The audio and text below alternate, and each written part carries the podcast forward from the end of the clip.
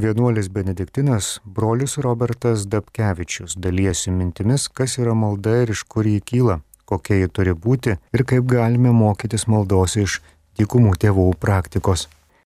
Katechezės tema yra malda. Iš kur malda kyla, kas ji tokia, kokia ji turi būti. Taip pat norėčiau tą progą pateikti keletą maldos praktikų iš dykumos vienuolių gyvenimo, kiek laikas leis.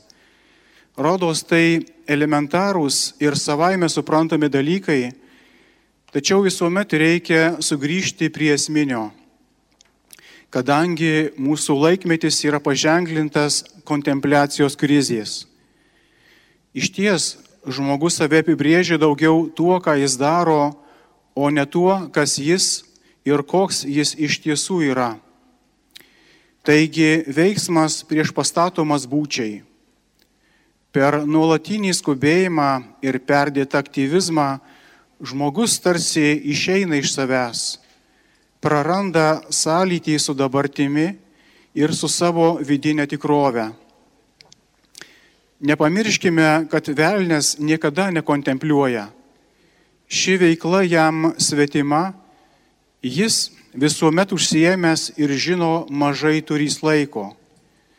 Tad galima sakyti, kad ir gyvenimas tokio žmogaus, kuris paskesta veikloje ir neturi laiko maldai bei kontempliacijai, turi pragaro atspalvį ir skonį. Atvirkščiai, malda mus sugražina į mus pačius į dabarties akimirką, kurioje vyksta susitikimas su gyvuoju ir gyvenimą dovanojančiu Dievu. Be to, tikros maldos pamatas yra nusižeminimas, o ši gili vidinė nuostata pastato mus į teisingą santykį su Dievu ir su visa kūrinyje. Todėl Jonas Auksaburnis rašė, nėra nieko vertingesnio už maldą. Ji padaro įmanoma tai, kas neįmanoma, lengva tai, kas sunku. Kur slypi maldos šaknys? Ar galima teikti, kad žmogus iš prigimties yra sukurtas dialogui su kurėju ir kad tas dialogas yra malda? Kurdamas Dievas kiekvieną esybę pašaukia iš nebūties į buvimą kūrimu žmoguje yra įdėktas Dievo paveikslas, kurio jokia nuodėmė negali visiškai sunaikinti. Ir tas kurėjo paveikslas žmoguje padaro, kad jis siekia bendrystės su jį iš nebūties pašaukusių dievų. Tas nenumalšinamas ir niekuo nepakeičiamas bendrystės troškimas, labiau suprantamas kaip palaimos troškimas, Augustino žodžiais tariant, yra toji nerami širdis, kuri atilsi ras tik Dieve.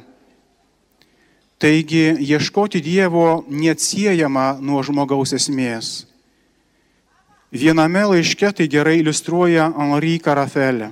Jis rašo, kaip kiekviena materiali fizinį svorį turinti būtybė, kai niekas nesustabdo, krinta į ją traukiančią žemę, Taip kiekvienas kūrinys viduje patiria Dievo trauką. Tai visai teisingai buvo pavadinta dvasiniu sunkiu. Aš tai pavadinau slapta malda.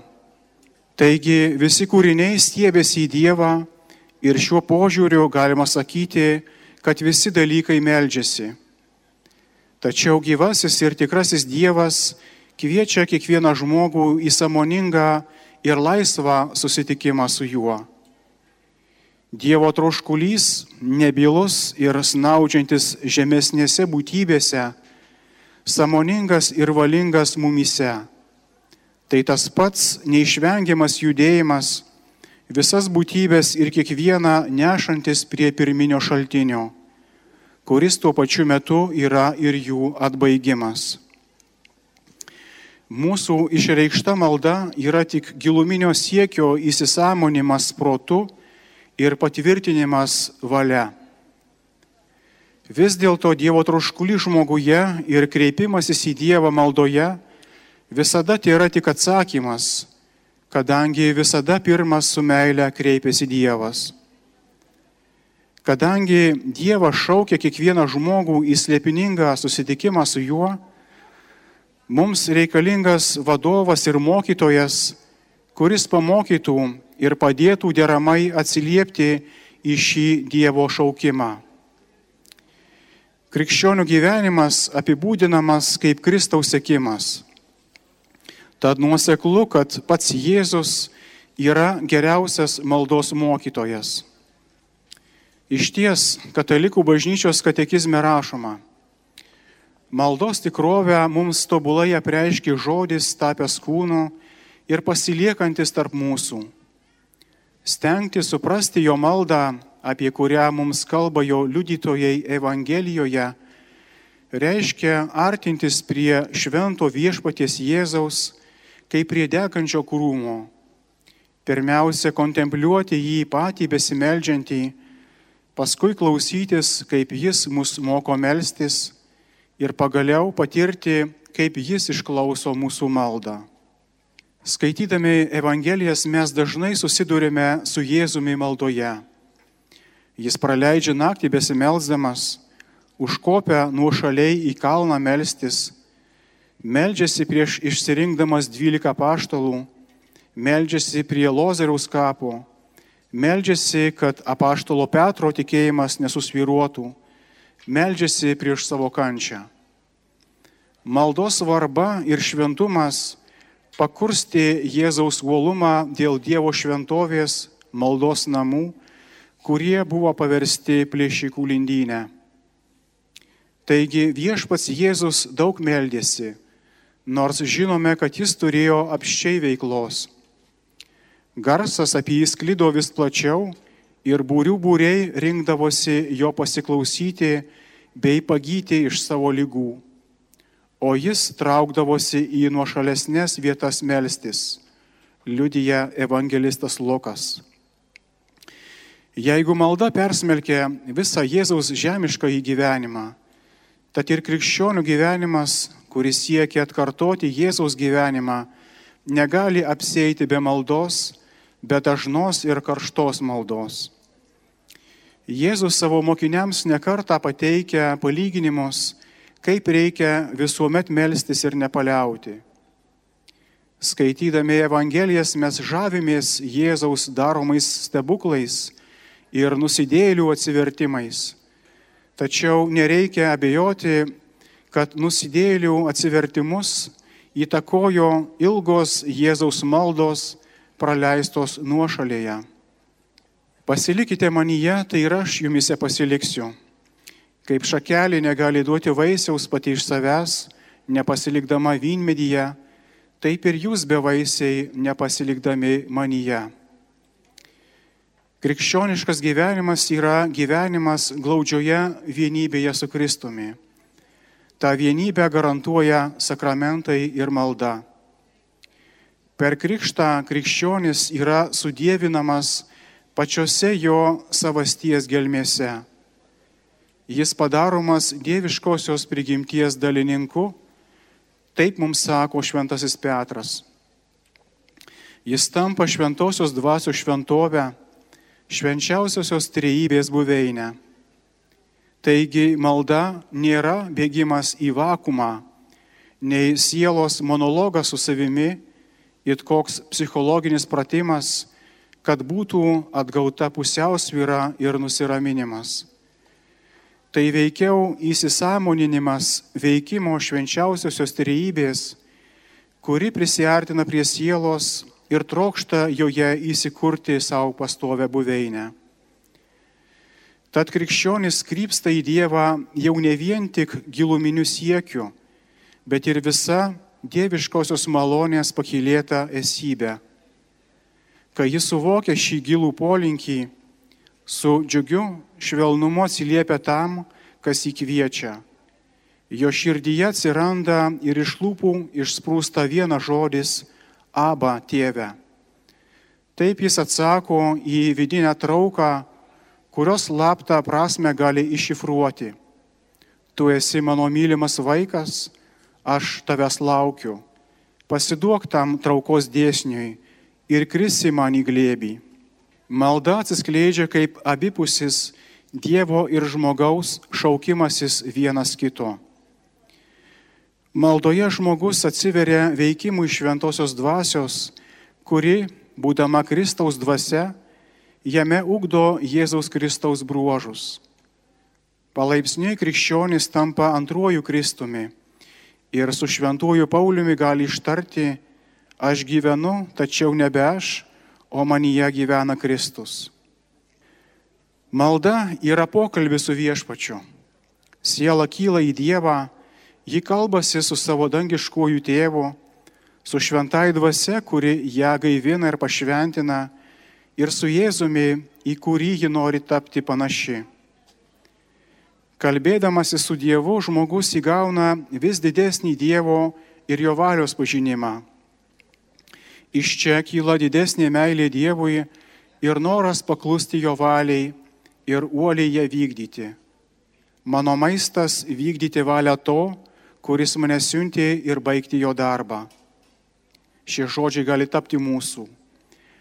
O meilė suvienyje, todėl veda į glaudžią bendrystę su Dievu, galima sakyti, į Dievo patirtį.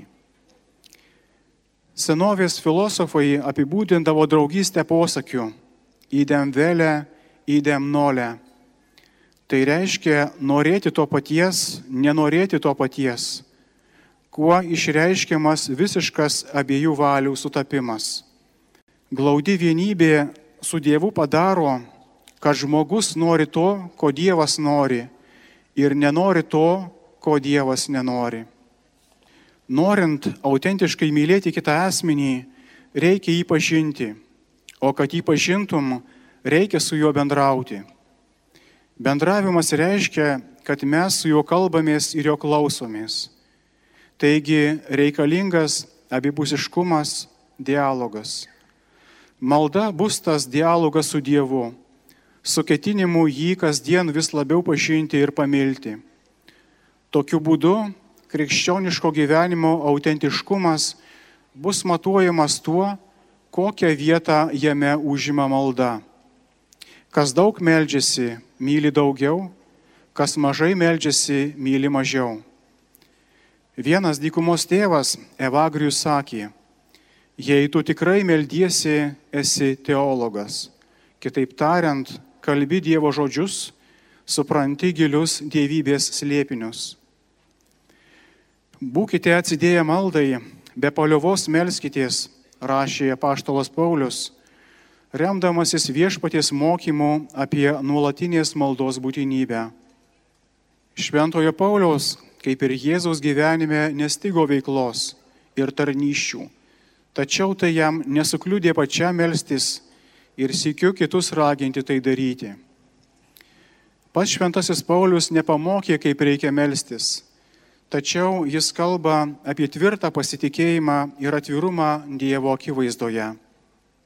Tad galima spėti, kad jo asmeninė malda ir pokalbis su Dievu buvo labai natūralūs.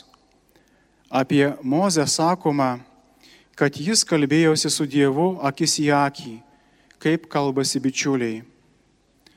Apaštalai su laiku net ir patyrė, kad jų mokytojas nėra paprastas žmogus, bet Dievo sūnus, Mesijas, nepakeitė savo laikysenos jo atžvilgiu nesiartino prie jo su baime ir drebėjimu, bet ir toliau laisvai su juo bendravo, klausinėjo, su susižavėjimu dalyjosi savo misijos patirtimi, kreipėsi su prašymu, viešpatie parodyk mums tėvą ir bus mums gana.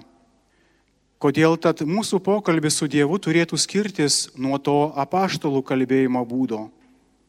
Origenas komentuodamas Senojo testamento ištrauką kur Dievas per Mozę paliepia, kad šventyklos altorius būtų surinktas iš netašytų akmenų, sako, kad tokia turi būti asmeninė malda, paprasta, natūrali, kurios nepalėtė joks retorikos ar pasiskolintos kalbėsinos įrankis. Kita vertus, Jėzus pažadėjo moteriai samarietėjai, kad dangiškasis tėvas bus garbinamas ne tik Jeruzalėje ar kitoje apibrieštoje geografinėje vietoje, bet kad ateis valanda, kai tikrieji garbintojai garbins tėvą dvasioje ir tiesoje. Viskas aplink mus ir mumyse liudyja apie artumą Dievo, kuris mus kviečia nuolatiniam dialogui. Juk mes esame gyvojo Dievo šventovėje, kaip Dievo pasakyta, aš apsigyvensiu tarp jų ir ten vaikštinėsiu, aš būsiu jų Dievas. Tad nėra reikalo leistis į kelionę ieškant Dievo, nes pakanka į jį žvelgti ir jo ieškoti širdimi. Šventasis Augustinas Dievui sušunka.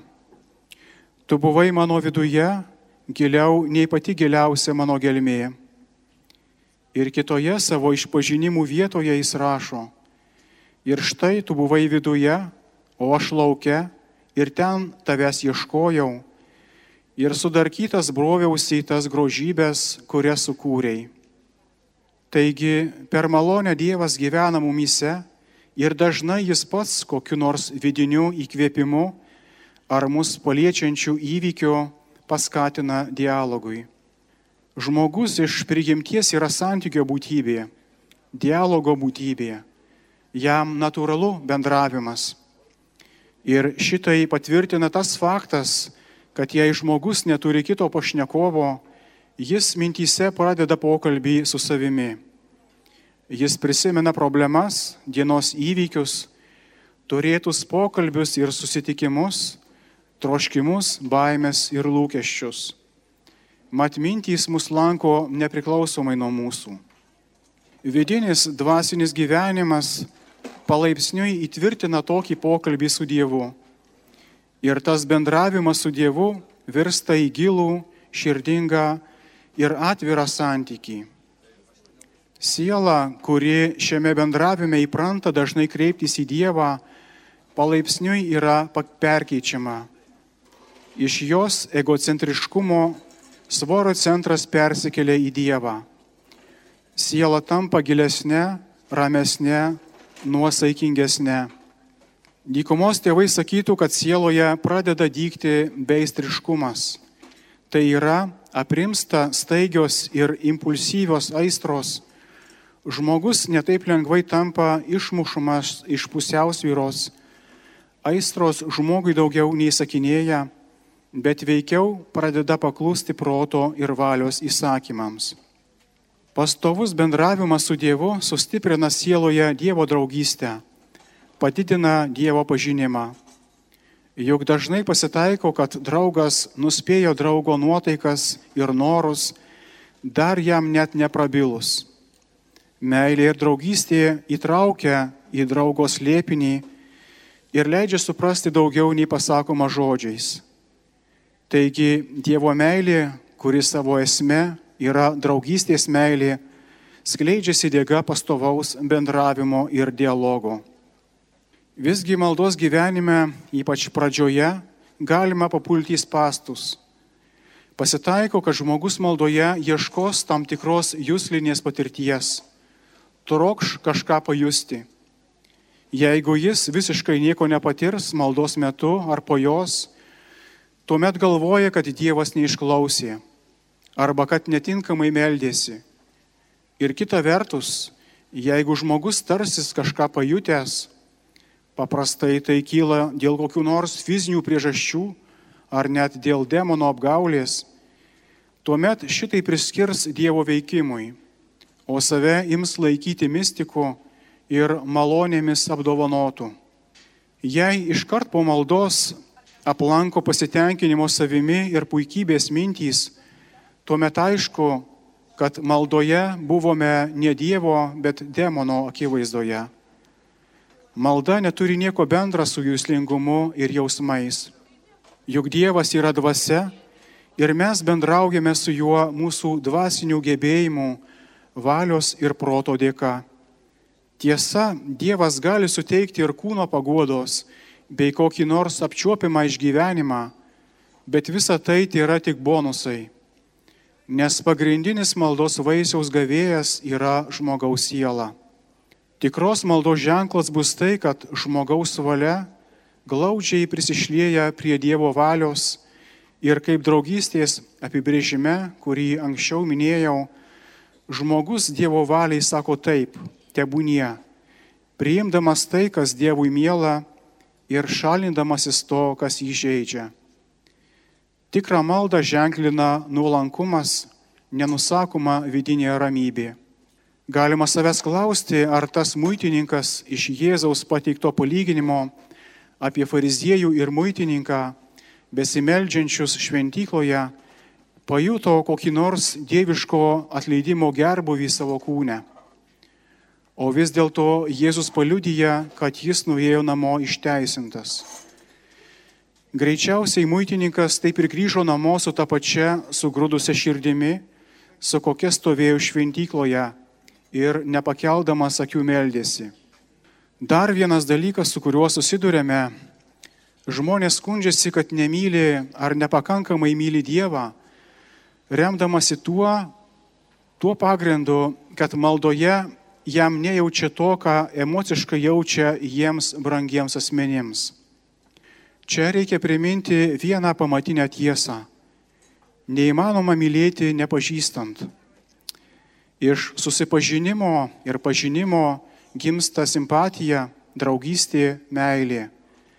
Meilė nėra redukuojama į paprastą jausmą, emociją. Ji yra laisvas ir valingas apsisprendimas. Meilė gali išlikti net jeigu nėra ją lydinčio apčiuopimo širdies judesio, jausmo. Pastarasis nėra valingas veiksmas, o meilė tuo tarpu yra valioje, kadangi mes mylime žmonės ar daiktus valios veiksmu. Taigi būtent valioje, o ne jausmuose, širdies virpesiuose ar daugybės drugelių plasdėjime reikia ieškoti atsakymo į klausimą, ar tikrai mylime ar ne.